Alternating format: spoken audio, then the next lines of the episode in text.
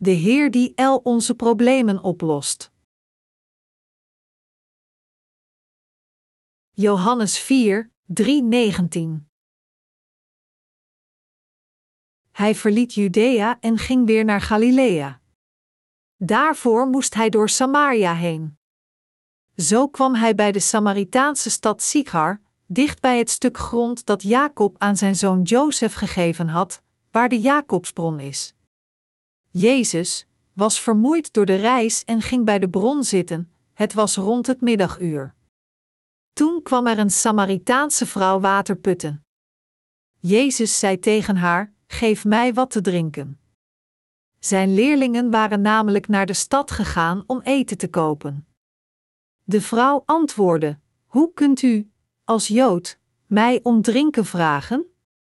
Ik ben immers een Samaritaanse. Joden gaan namelijk niet met Samaritanen om. Jezus zei tegen haar: Als u wist wat God wil geven, en wie het is die u om water vraagt, zou u hem erom vragen en dan zou hij u levend water geven. Maar Heer, zei de vrouw, u hebt geen emmer, en de put is diep, waar wilt u dan levend water vandaan halen? U kunt toch niet meer dan Jacob, onze voorvader? Hij heeft ons die put gegeven en er zelf nog uitgedronken, en ook zijn zonen en zijn vee. Iedereen die dit water drinkt zal weer dorst krijgen, zei Jezus, maar wie het water drinkt dat ik hem geef, zal nooit meer dorst krijgen. Het water dat ik geef, zal in hem een bron worden waaruit water opwelt dat eeuwig leven geeft. Geef mij dat water, Heer, zei de vrouw, dan zal ik geen dorst meer hebben en hoef ook niet meer hierheen te komen om water te putten. Toen zei Jezus tegen haar: Ga uw man eens roepen en kom dan weer terug. Ik heb geen man, zei de vrouw. U hebt gelijk als u zegt dat u geen man meer hebt, zei Jezus, u hebt vijf mannen gehad, en degene die u nu hebt is uw man niet. Wat u zegt is waar. Daarop zei de vrouw: Nu begrijp ik, Heer, dat u een profeet bent. Een hart dat zijn eigen tekortkomingen kent, is het hart dat genade vindt bij God. Als we onze levens hier op deze wereld leven, voelen we soms vurig de noodzaak naar de hulp van God vanwege onze tekortkomingen. Een dergelijk hart verdient het om de genade van God te ontvangen, en het zal uiteindelijk zijn genade in zijn tijd ervaren. Diegenen die hun tekortkomingen kennen en Gods hulp nodig hebben terwijl zij in deze wereld leven, zijn meer gezegend dan diegenen die niet hun tekortkomingen beseffen, nog enige hulp van God nodig hebben. Wij zijn diegenen die niet kunnen leven zonder de genade van God, en daarom hebben wij Zijn genade iedere dag nodig. Wat we ook doen, we hebben Gods hulp tijdens ons hele leven en bij alles nodig, of het nu is voor de verspreiding van het evangelie over de wereld of in Korea. Ik geloof dat deze noodzaak voor Gods hulp in zichzelf een zegening is, en het is feitelijk datgene wat ons toestaat Gods zegeningen aan te doen. Vandaag ging zo snel voorbij dat ik het mij bijna niet meer herinner. Pastor Shin bezocht mij gisteren, en we hebben de hele dag gewerkt aan onze literaire diensten. Ik was zo druk bezig dat ik mij de zonsondergang niet realiseerde, en toen ik in de kerk kwam voor de aanbiddingdienst, was het al donker. Het daglicht wordt nu steeds korter. De winter komt steeds korter bij. Nu de winter korter bij komt, verlangt mijn hart meer naar Zijn genade dan anders, omdat er nog steeds veel dingen zijn die ik moet doen dit jaar. Het is ook een oprechte wens van mij een man te worden die nooit zijn tekortkomingen tijdens zijn leven vergeet en die altijd oprecht Gods hulp zoekt. Ik wil niet iemand worden die door zichzelf te overvloedig en welvarend wordt dat hij Gods hulp niet meer nodig heeft. Ik wil liever iemand zijn wiens hart en lichaam te ontoereikend zijn en daardoor Gods hulp constant nodig heeft.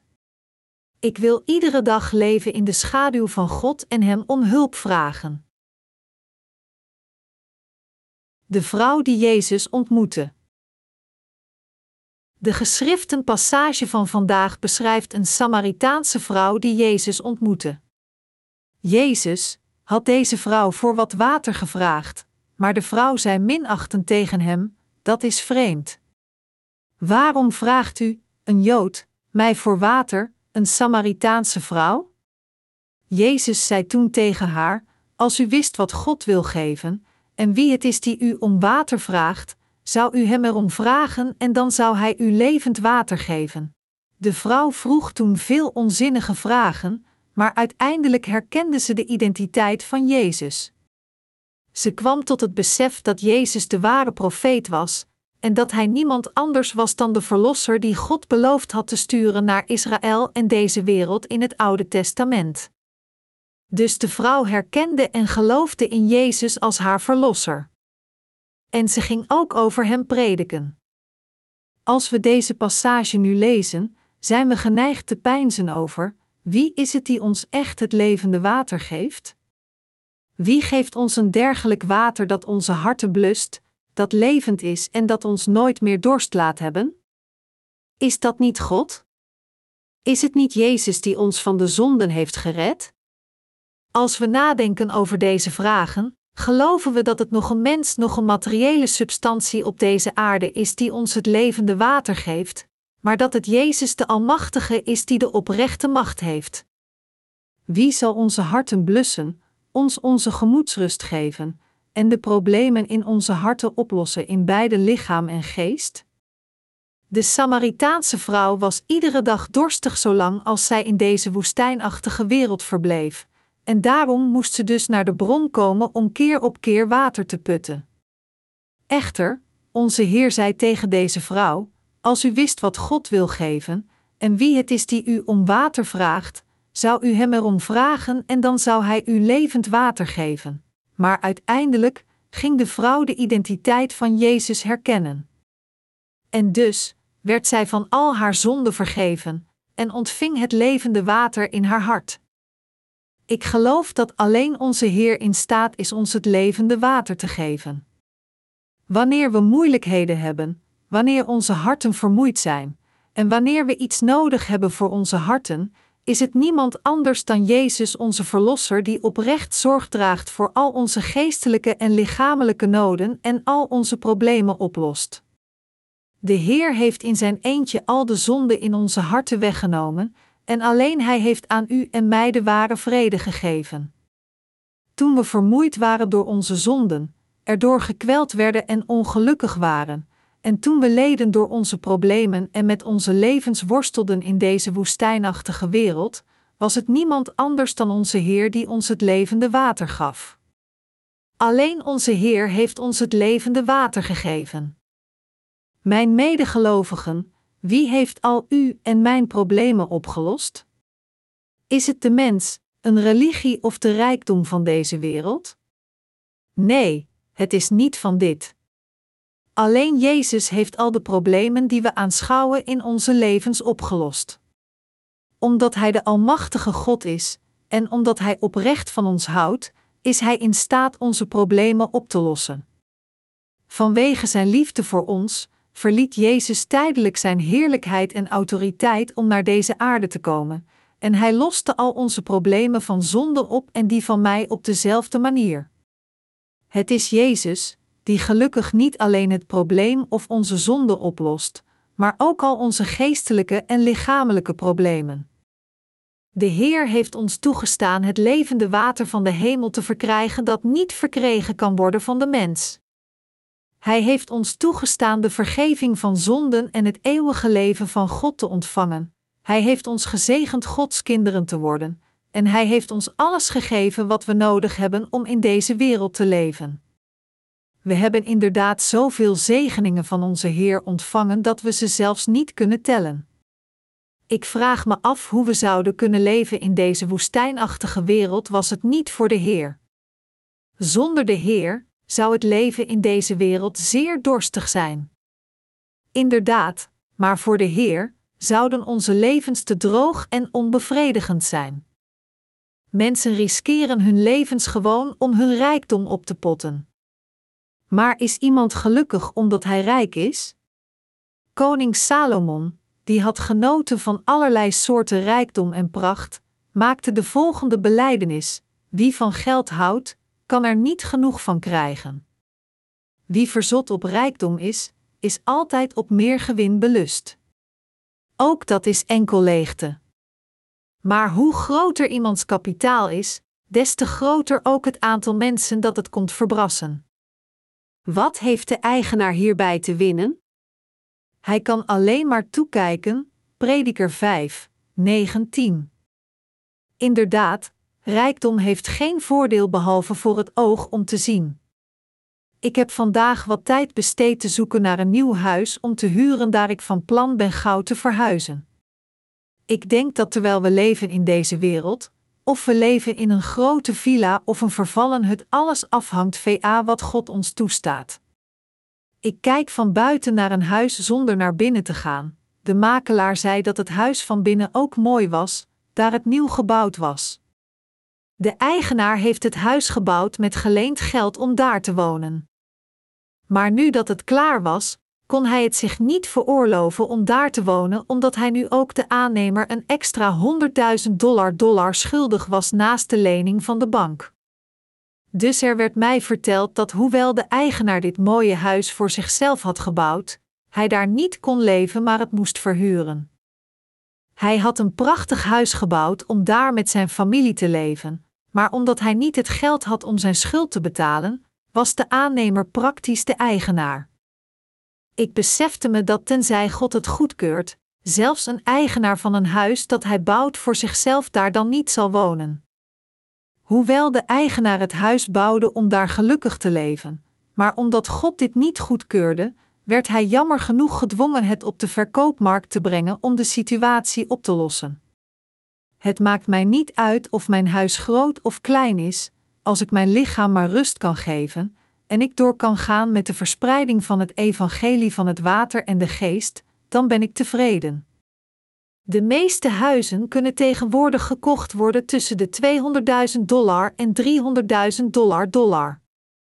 Het huis dat ik vandaag bezocht kon ook gekocht worden voor maar 300.000 dollar dollar.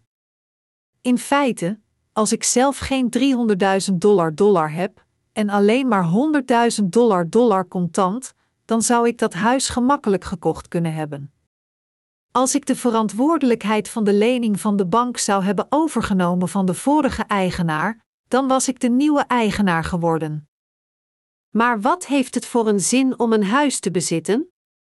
Ik zou alleen maar worstelen om de lening van de bank af te betalen.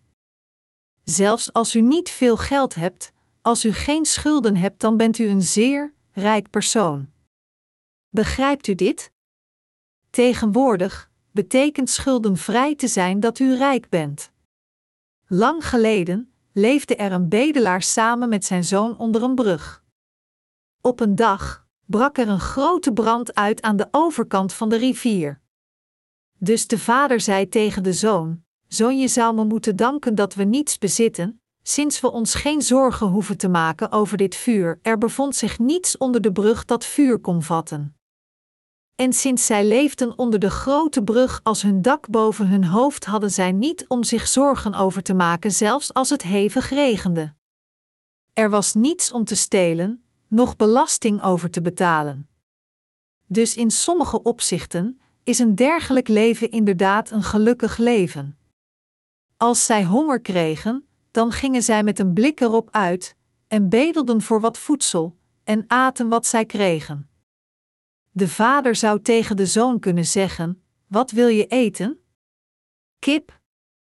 Hier heb je een kippenpootje. Wil je wat fruit? Dat heb ik ook.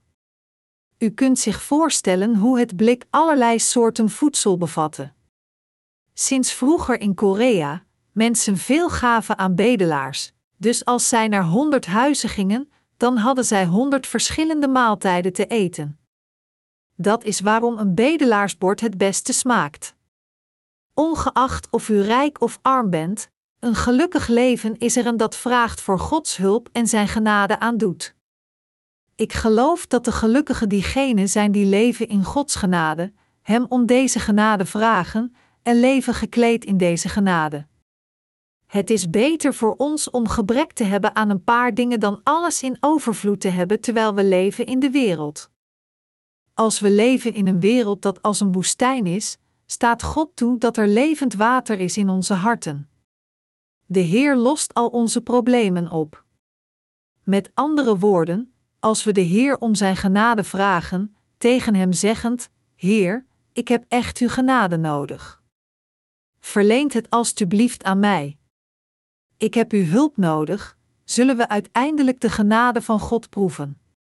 Het is goed dat we een dergelijk hart hebben dat God vraagt voor Zijn hulp.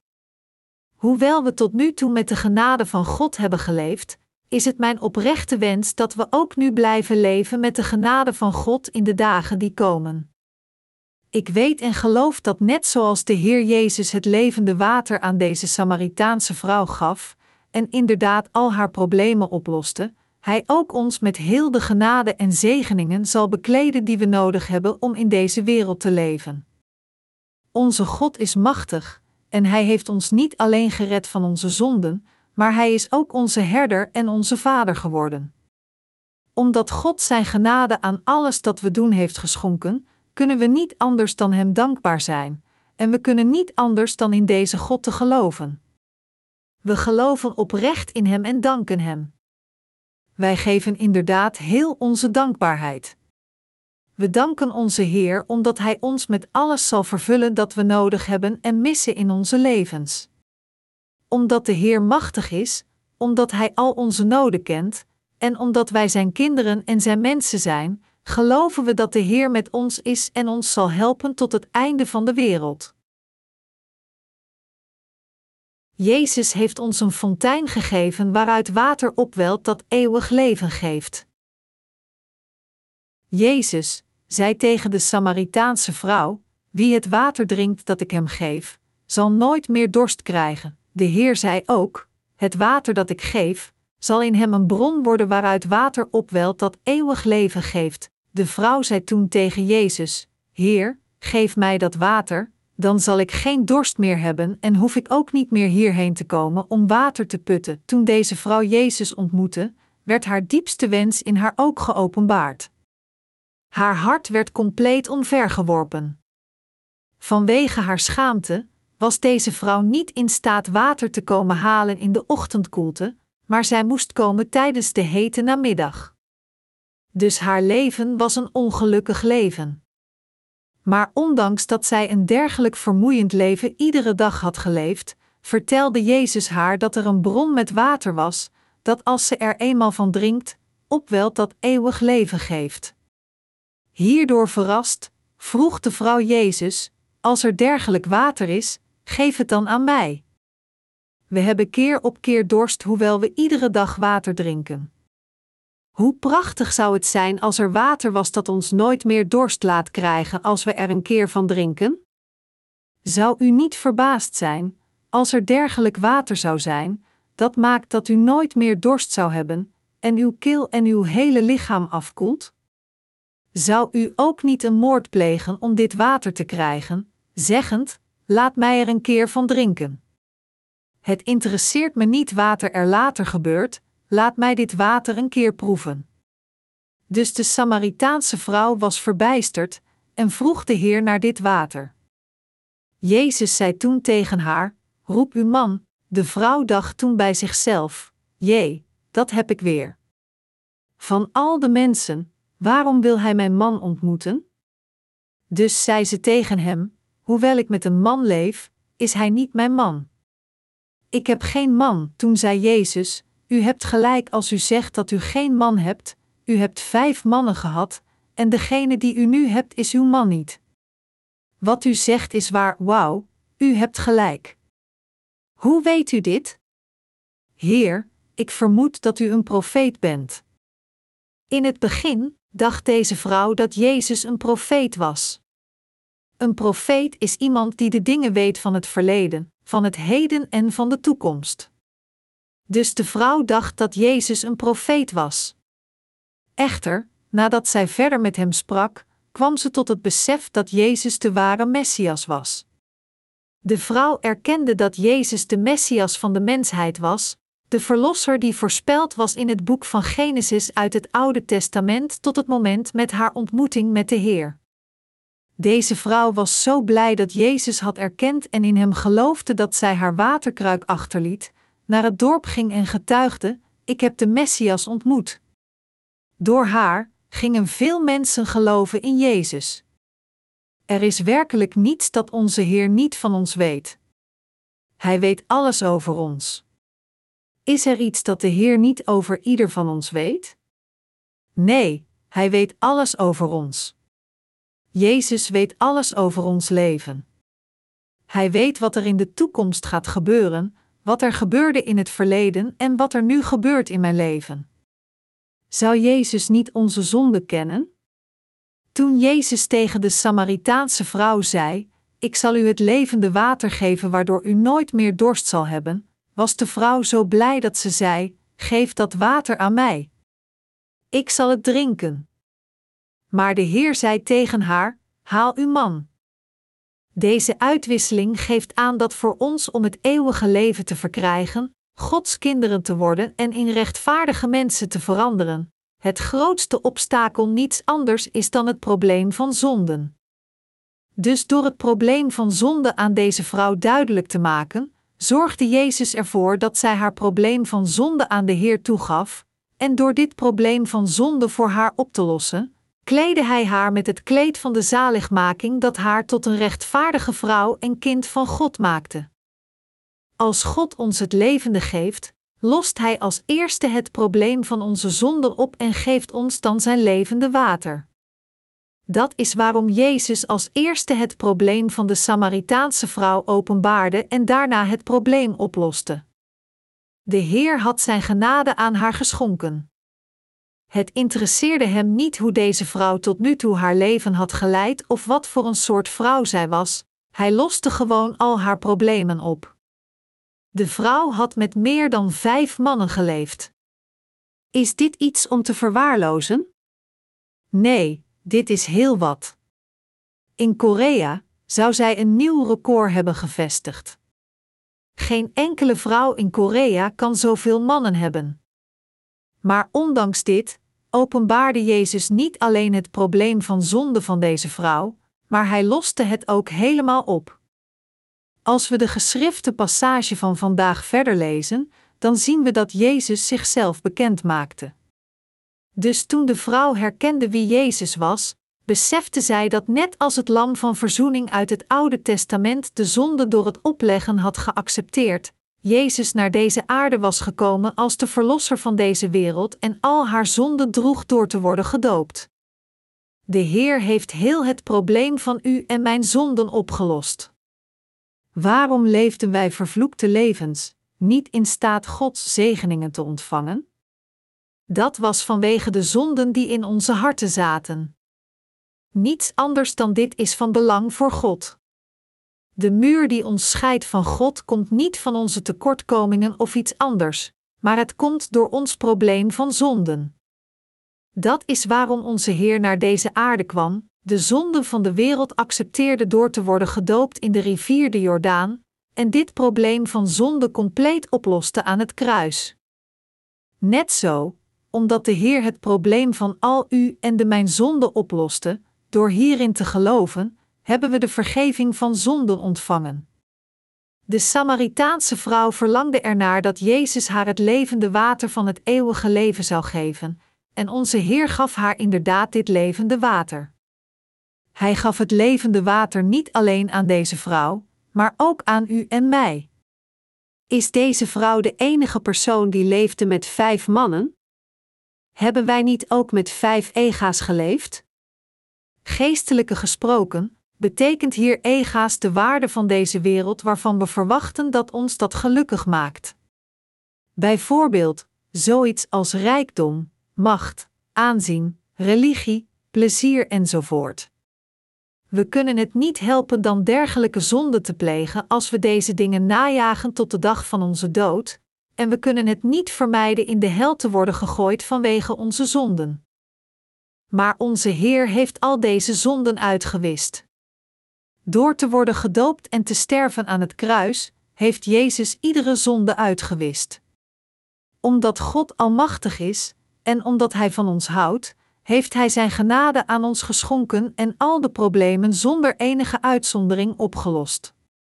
Door dit te doen, heeft de Heer de dorst van het hart van de Samaritaanse vrouw geblust, en Hij heeft ook de dorst van u en mijn hart geblust. Hoe kunnen we ooit van onze dorst worden verlost zonder de Heer? Het is omdat de Heer het probleem van onze zonden heeft opgelost dat de dorst van onze harten volledig geblust kon worden. Had Hij dat niet gedaan, dan hadden we geen andere keus gehad dan te sterven met de constante druk van het gewicht van zonden. Bovendien waren we niet alleen voorbestemd te sterven met de last van onze zonden, maar ook met het gewicht van onze zorgen, de onderdrukking van de slechte Satan en zelfs de vrede realiteit van leven levend in deze wereld. Maar omdat onze Heer machtig is, heeft Hij niet alleen het probleem van onze zonde opgelost, maar ook ieder ander probleem. Zelfs nu lost Hij al onze problemen op. Wanneer we een probleem aanschouwen, schenkt de Heer Zijn genade aan ons. Wanneer de dingen verkeerd gaan, corrigeert de Heer dat om het succes te garanderen. God schenkt Zijn genade aan datgene wat wij niet kunnen bereiken met onze eigen pogingen. Door ons ieder moment Zijn zegeningen te geven, maakt God het voor ons mogelijk het onmogelijke te bereiken. We weten dat God ons met Zijn genade van zaligmaking heeft gezegend. Dus zijn we de Heer met heel ons hart en ziel dankbaar. Wij weten dat de Heer waar wij in geloven almachtig is, onze zonden heeft uitgewist en ook Zijn genade die wij nodig hebben om te leven aan ons heeft geschonken. Heeft uw hart toevallig problemen? Mist het iets of heeft het iets nodig? Leg dergelijke problemen aan God voor en vraag Hem om deze op te lossen. Bidden is hoe u uw problemen aan God voorlegt. Als u naar het ziekenhuis moet, geeft u als eerste uw ziekenfondskaart af, toch? Net zo moet u als eerste uw probleem voorleggen aan God. Als u uw vraag voorlegt aan God, zeggend: Heer, dit is wat ik nodig heb, dan zal dit probleem vroeg of laat opgelost worden. God zal over dit probleem zorg dragen als u dat echt nodig heeft. Wij hebben het voorrecht onze problemen aan de Almachtige God voor te leggen op elke manier hoe Hij bestaat. De geschrifte passage van vandaag nodigt me uit na te denken over hoe machtig onze Heer wel is, en wat voor een prachtig voorrecht het is dat wij zijn gered. Ik erken en geloof dat het ons geluk is dat we de Heer hebben ontmoet, en dat het ons voorrecht als christen is dat de Heer ons iedere dag voorziet met het levende water, en dat wij in staat zijn iedere dag te drinken. Gelooft u en erkent u dit ook op deze manier? Onze Heer schenkt Zijn genade aan alles dat u nodig hebt in uw leven volgens Zijn tijd. Ik bemoedig u ook hierin te geloven. Wat voor een machtige en prachtige God is onze Heer! God is de Heer die Zijn genade schenkt aan alles dat we doen, aan iedere gedachte en streven. Er staat geschreven: dan zal de vrede van God, die alle verstand te boven gaat, uw hart en gedachten in Christus Jezus bewaren. Filippenzen 4, 7. We moeten bidden en God danken dat we Zijn kinderen zijn geworden. En we moeten onze dankbaarheid geven aan deze Heer die aan u en mij iedere dag het levende water geeft, aan de Heer die al uw problemen oplost en al de last van al onze zonden droeg. Inderdaad, wij hebben geen andere keus dan God te bedanken. Ik weet zeker dat zelfs in de dagen die komen, we voortdurend zullen leven met de genade van de Heer. Gelooft u dit ook? Hebt u ook iedere dag Gods genade nodig? Hebt u gebrek aan iets? Zo ja, dan bent u een zeer gelukkig persoon. Waarom? U en ik zijn gelukkig mensen omdat al onze noden en tekortkomingen worden vervuld en aangevuld door de Almachtige Heer. Gelooft u dit? Ik moedig u aan zo te geloven. Ik geloof ook zo. Ik geloof dat als ik iets nodig heb, God mij zal vervullen en genade aan mij schenkt. En ik geloof dat de Heer hetzelfde zal doen bij u. Ik wist in het begin niet dat worden gered zo fantastisch en wonderbaarlijk was als dit. Toen ik voor het eerst het evangelie van het water en de geest hoorde en mijn zaligmaking ontving, dacht ik dat alleen het probleem van zonde was opgelost. Echter, toen ik verder ging met mijn leven in deze wereld na de ontvangst van de vergeving van zonden, kwam ik tot het besef dat ik veel noden en veel gebreken had. En ik kwam tot het besef dat onze Heer Zijn genade keer op keer aan ons schenkt, ons voorziet in onze noden volgens onze levensbehoeftes, ons voorziet te leven met geloof, ons toestaat anders te leven dan de mensen van deze wereld, en het voor ons mogelijk maakt te kiezen om het levende water van God iedere dag te ontvangen. Dus hoe meer de tijd voorbij gaat sinds ik de vergeving van mijn zonden ontving, hoe dankbaarder ik word naar de Heer. Ik ben dankbaar omdat Hij de Heer is die al onze problemen zal oplossen. Mijn medegelovigen, hebt u de vergeving van zonden ontvangen? Het is van groot belang dat u de vergeving van zonden hebt ontvangen. Het is gigantisch. Sinds u de vergeving van zonden hebt ontvangen, bent u Gods kinderen geworden en zijn gezegende mensen. Mijn medegelovigen, hoewel er veel problemen kunnen zijn na de ontvangst van de vergeving van zonden, moedig ik u aan de Heer te volgen. Ik moedig u aan de Heer met een verenigd hart met uw broeders en zusters en Gods kerk te volgen, zijn woord te lezen, als ook te bidden. Als u niet zeker weet wat u moet doen, volg dan gewoon diegenen die voor u zijn. Word geleid door hen, deel broederschap met hen, word beheerst door hen en volg de Heer. U zult dan een zeer gezegend leven leiden. Ik kan niet dankbaar genoeg zijn als ik nadenk over hoe we Gods kinderen zijn geworden, het eeuwige leven hebben ontvangen en iedere dag het levende water verkrijgen, omdat we dit ene ding hebben ontvangen, de vergeving van zonden. Daar we in deze wereld leven in ons vlees, hebben we veel noden voor beide onze lichamen en onze geesten, en we hebben ook Gods hulp nodig in veel dingen. Echter, omdat we Gods kinderen zijn geworden, hebben we deze genade waarin God ons helpt aangedaan. Zelfs nu zijn we ermee bekleed. We doen Gods genade voor eeuwig aan. Woorden schieten tekort om uit te drukken hoe dankbaar ik ben. Aan de God die ons iedere dag het levende water geeft, aan de Heer die iedere dag al onze problemen oplost, laat ons onze dank geven door geloof, en laat ons de Heer vurig volgen met geloof. Jezus geeft de vergeving van zonden en het eeuwige leven door het woord van de Bijbel. Het meest gelezen boek in de hele wereld is de Bijbel, het woord van God.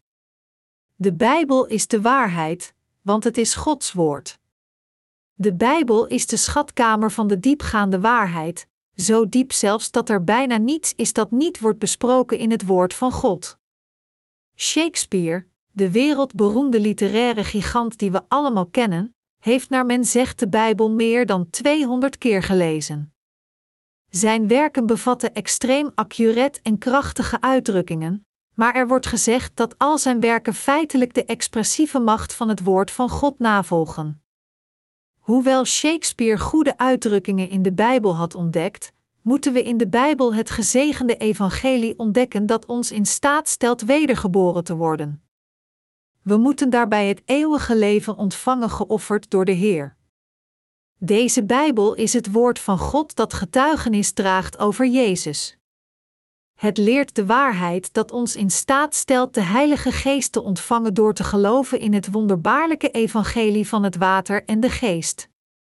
Het woord van de Bijbel schrijft over het mysterie van de prachtige zaligmaking die Jezus heeft gegeven aan de mensheid.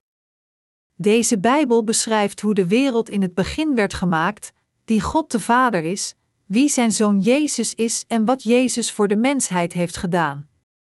Genesis 1, 1, 3 schrijft ook over Jezus. Er staat geschreven in Genesis: Laten wij mensen maken die ons evenbeeld zijn. We kunnen hier zien dat God de goddelijke drie-eenheid van God de Vader, de Zoon en de Heilige Geest is.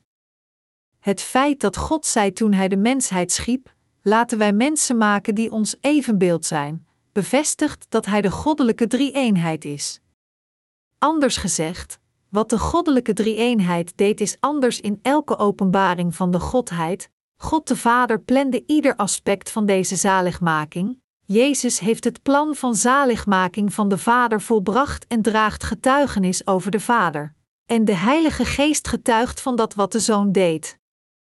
De Bijbel zegt vanaf het begin dat het Jezus onze Verlosser is die de wereld en het hele universum schiep. Jezus is de hoge priester van het Koninkrijk van de Hemel, de profeet voor heel de mensheid en de koning der koningen. Jezus vervult gelijktijdig de drie ambten van de hoge priester, de profeet en de koning. Jezus is de Zoon van God en de Verlosser van de mensheid die kwam om ons van Satan, de zonde, de vernietiging en het oordeel te bevrijden, en om het werk van Satan te vernietigen. Er is geen mooier verhaal in de Bijbel dan het wonderbaarlijke evangelie van het water en de geest dat Jezus aan ons gegeven heeft. Echter, de Joden dachten dat Mozes groter was dan Jezus. Het was onwetendheid en dwaasheid dat afstamde van hun gebrek aan geloof in Jezus. Zelfs nu, ontkennend dat Jezus de Zoon van God is, wachten zij nog steeds op de Messias die komen zou.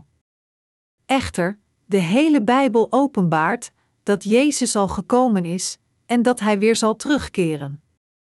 In Johannes 5 uur 46 zegt Jezus: Als u Mozes zou geloven, zou u ook mij geloven. Hij heeft immers over mij geschreven. Mozes schreef de Bijbel. Hij ontving de wet van God en schreef deze op, en hij schreef ook in detail over het offersysteem van de tabernakel. Het woord van de Bijbel werd de basis van ons geloof. Door Mozes heeft God het offersysteem gegeven om al de zonden van iedereen in deze wereld weg te wassen. Het boek van Leviticus, dat wij goed kennen, beschrijft en toont ons duidelijk welk soort van offer geofferd moest worden door de mens om de vergeving van zonde voor God te ontvangen.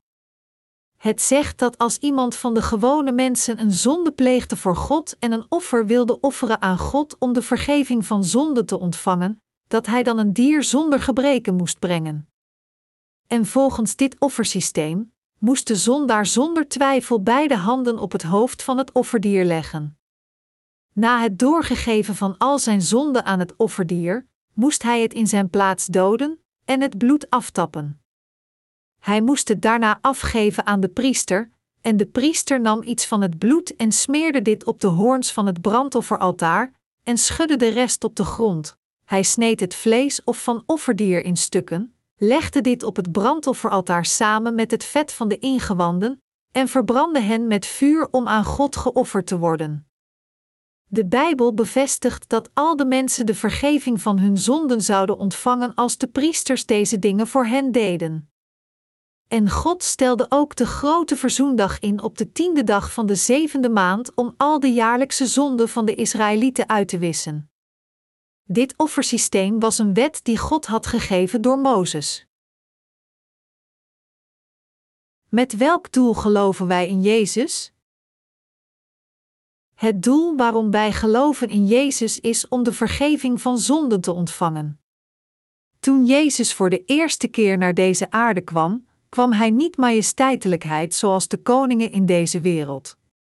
Integendeel, hij had de glorie van de hemel verlaten en kwam als een wortel uit droge grond.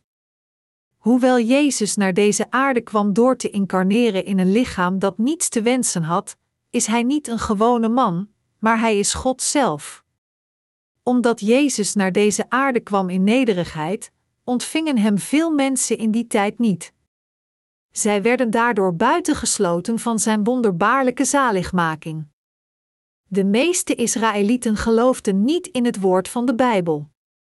Daar zij meer geïnteresseerd waren in de glorie van hun vlees dan de zaligmaking gegeven door Jezus, geloofden zij niet in het prachtige evangelie van het water en de geest met het verlangen het te verkrijgen.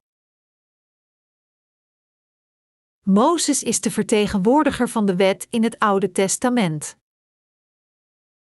Mozes ontving de wet van God, en hij gaf zijn geboden duidelijk door aan de mensen.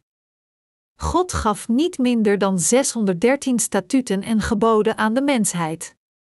Deze wet is samengesteld uit statuten die gehouden moeten worden naar God en de goddelijke normen van leven die onmisbaar zijn voor menselijke wezens in harmonie samen te leven. Mozes gaf Gods wet duidelijk aan de mensen door. Maar ondanks dit realiseerden de mensen zich hun zonden niet zelfs na de ontvangst van Gods wet. God leerde ons de methode van de vergeving van zonden door het offersysteem in de Bijbel.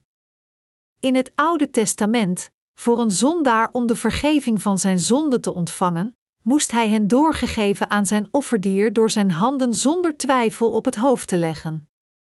En hij moest zijn bloed aftappen en het op de hoorns van het brandofferaltaar smeren. Dat is hoe God de wet van zaligmaking van die dag aan had vastgesteld, en hoe hij had beslist heel de mensheid te zegeningen door hun van hun zonden te bevrijden. De zonden van de mensheid moesten worden doorgegeven aan het hoofd van het offerdier door het opleggen van handen. En God zei dat als iemand gelooft in zijn woord volgende wet bevestigd door hem, hij gered zou worden van alle zonden. Ondanks dit echter, wacht het volk van Israël nu nog steeds op hun superachtige verlosser. Maar Jezus, een leider met maar macht dan Mozes, is al naar hen gekomen en al opgestegen naar de hemel. Hij is al gekomen naar het volk van Israël en de niet-Joden en steeg weer op naar de hemel. Maar zij geloofden niet in Jezus.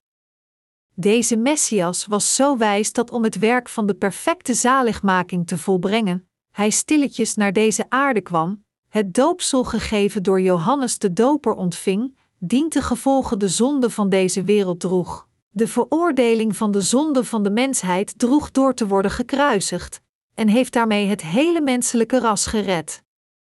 Na te worden gedoopt door Johannes de Doper, vergoot Jezus zijn bloed aan het kruis, en net voordat hij stierf, getuigde hij dat hij de zaligmaking van zonden had vervuld door te zeggen: Het is volbracht. Johannes 19 uur 30. Hij verrees hierna weer van de dood, en na het opstijgen naar de hemel, zit hij nu aan de rechterhand van de troon van God de Vader. In een dorpje in Israël genaamd Bethlehem werd Jezus de Verlosser van de zondaars geboren. Voor de buitenwereld leek het alsof hij kwam als iemand lager dan een gewoon persoon. Dus veel mensen konden niet geloven dat Jezus de Messias was. Echter, wij zijn nu in staat Jezus te erkennen, die kwam door het evangelie van het water en de geest, en we kunnen ook in hem geloven. Als we deze Jezus grondiger onderzoeken, kunnen we zien dat Hij de Zoon van God is, de Schepper en de Verlosser van de mensheid. We kunnen duidelijk herkennen dat Jezus God zelf is en we kunnen Hem ook ontmoeten door geloof. Wat is het wonderbaarlijke evangelie waar iedere zondaar in moet geloven? Om te worden bevrijd van onze zonden, moet iedereen geloven in het evangelie van het water en de geest dat Jezus vervulde door het doopsel dat hij ontving van Johannes en zijn bloed aan het kruis. Iedereen moet geloven in dit wonderbaarlijke evangelie van het water en de geest. Maar ondanks dit, maken te veel mensen de onherroepelijke fout de waarheid te erkennen door te weigeren te geloven dat het doopsel dat Jezus ontving van Johannes de Doper en zijn bloed hun zaligmaking inhoudt. Zij begrijpen en geloven dat Jezus de mensheid heeft gered door gewoon zijn bloed aan het kruis te vergieten. Wat voor een foutief begrip is dit? Jezus was het lam van God dat al de zonden van deze wereld voor eens en altijd uitwiste. Door te worden gedoopt door Johannes de Doper, accepteerde hij al de zonden en gebreken van deze wereld, en met het bloed dat hij gekruisigd vergoot aan het kruis, wiste hij al deze zonden uit. Maar veel mensen faalden hem te herkennen als hun verlosser. Jezus behandelt ons altijd vriendelijk. In deze Bijbel bevindt zich het gezegende woord, het wonderbaarlijke evangelie dat het mogelijk maakt voor iedereen om te worden wedergeboren uit het water en de geest. Al diegenen die willen geloven in Jezus, moeten in Jezus de Zoon van God geloven die gekomen is door het evangelische woord van het water en de geest, en dus de vergeving van zonde ontvangen. Het woord van de Bijbel is een schatkamer voor het wonderbaarlijke evangelie dat ons in staat stelt de vergeving van zonden en de Heilige Geest te ontvangen. Laat ons alle geloven in het evangelie van het water en de geest gegeven door de Heer, en laat ons alle de ware vergeving van onze zonden, het eeuwige leven en het levende water ontvangen.